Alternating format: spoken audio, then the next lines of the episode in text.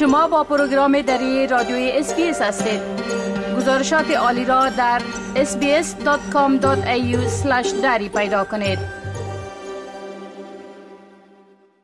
شنونده های عزیز بیماری هپیتایتس یکی از بیماری هایی است که در جهان بسیار عمومیت داره و همچنان زیان های فراوان را باعث میشه و حتی باعث مرگ میشه و امیرت است که ملل متحد 28 ماه جولای. به خاطر بلند بردن آگاهی در مورد ای بیماری اختصاص داده. ما اکنون محترم دکتر فدا اقبال با خود دارم تا باره ای بیماری در باره جهت ها و جنبه های گوناگونش معلومات بتن.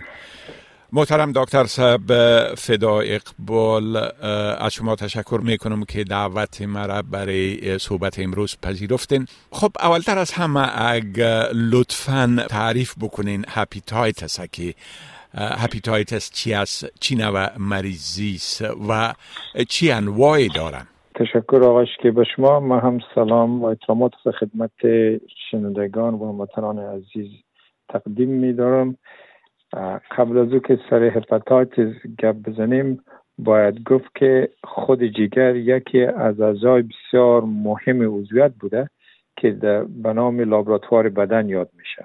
وظایف جگر به صورت عموم شامل استقلاب مواد غذایی، ساختن پروتین ها، ذخیره کردن ویتامین ها، ذخیره کردن آهن، تولید کردن صفرا، دور ساختن زهریات مواد toxin از بدن می باشد. خب هپاتایتس به معنای التهاب جگر است که اسباب و عوامل مختلف دارد.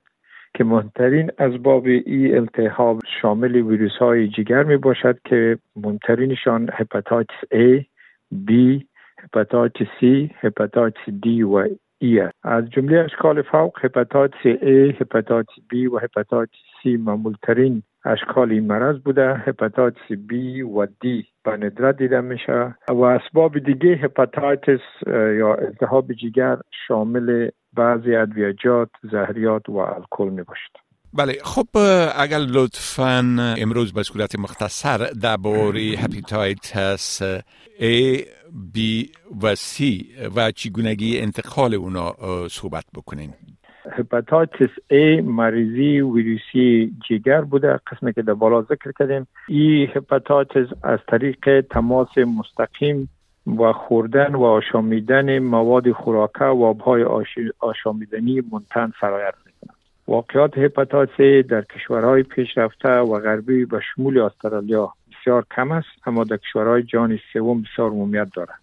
هپاتایتس بی مانند هپاتایتس بی یک شکل دیگر ویروسی مریضی‌های جگر بوده که اکثرا از طریق تماس مستقیم با خون و مایات عضویت از یک شخص به شخص دیگر سرایت می‌کنه. مثلا از طریق مقاربت های جنسی و یا unprotected سکس استفاده مشترک برس دندان و پلریش با اشخاص مساب و استفاده از سوزنهای منتن کسایی که منتن به این مرض می باشه به وجود میاد.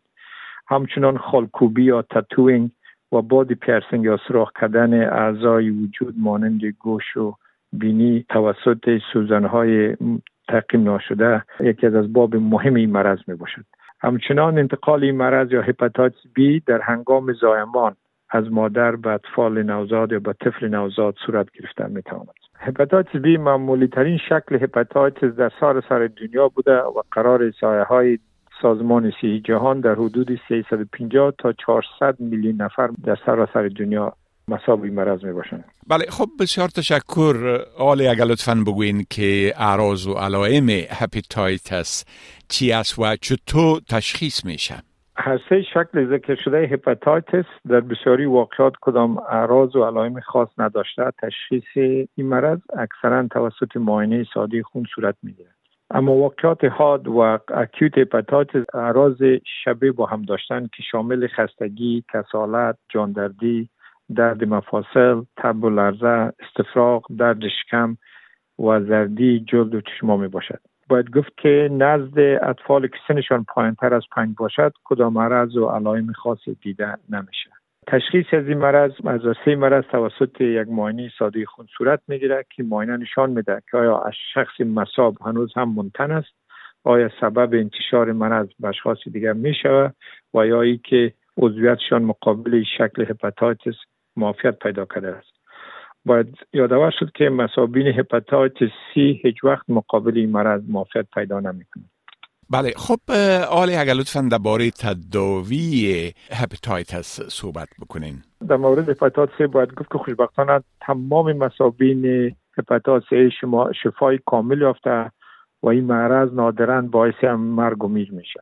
باز هم در قسمت hepatitis باید گفت که در این مرض هم خوشبختانه 90 تا 95 فیصد واقعاتش خودش شفا پیدا می‌کنه و در حدود 5 تا 10 فیصدش مصاب مرض مزمن یا chronic hepatitis C و در اشکال پیشرفته سبب سیروز لیور و حتی باعث سرطان های جگر میشه متاسفانه باید گفت که در نزد نوزادانی که در زمان ولادت یا زایمان این مرض از مادرشان انتقال می‌کنه 90 فیصدشان منجر به شکل مزمن و یا chronic hepatitis شده منجر به cirrhosis و سرطان های جگر میشن برای تداوی hepatitis B تا حال کدام تداوی خاص پیدا نشده؟ تداوی بسیار مغلق داره و زیر نظر متخصصین جگر صورت می‌گیره در مورد تداوی hepatitis باید گفت که خوشبختانه در سالهای اخیر تداوی ضد hepatitis نتیجه بسیار خوب داده که در حدود 90 تا 95 درصد واقعات با این تداوی hepatitis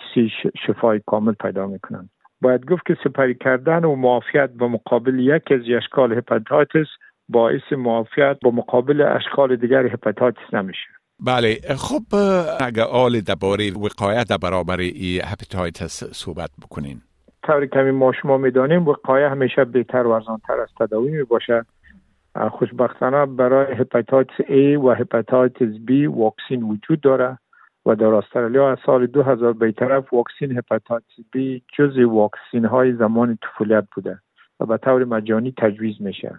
و همچنین برای مهاجرین و refugee که در سالهای اخیر استرالیا مهاجرت کردن می‌تونن که hepatitis B را به صورت مجانی بگیرن و با دکترهای فامیلی خود مشوره کنند اما متاسفانه تا حال کدام واکسین خاص برای hepatitis پیدا نشده است. بله خب حاله اگر آخر کدام توصیه دیگه برای شنونده های ما در ارتباط به بیماری hepatitis داشته باشین لطف بکنین. در قدم اول اگر امکان داشته باشد خونی خود معاینه کنند تا بدانند که در مقابل hepatitis A, B معافیت دارن یا نه.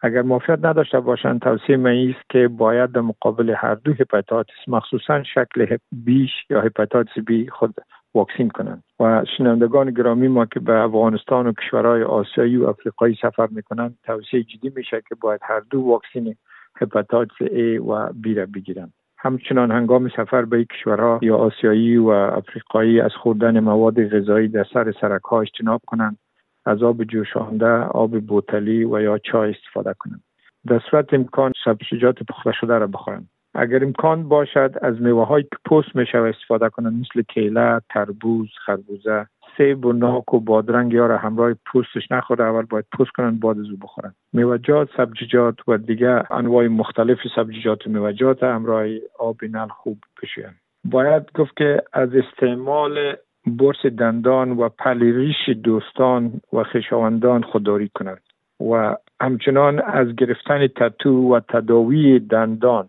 کشور از این کشورها خودداری کنند که در وقتا چندین واقع hepatitis B یا C نزد کسانی که در پاکستان و افغانستان هندوستان یا تتو گرفتن و یا که دندان خود تداوی کردن نزدشان hepatitis B و C دیده شده. بله خب محترم دکتر فدا اقبال از این معلوماتتان یک جهان تشکر و براتان موفقیت می‌خوایم. من شما تشکر می‌کنم. خدا یار مددگارتان.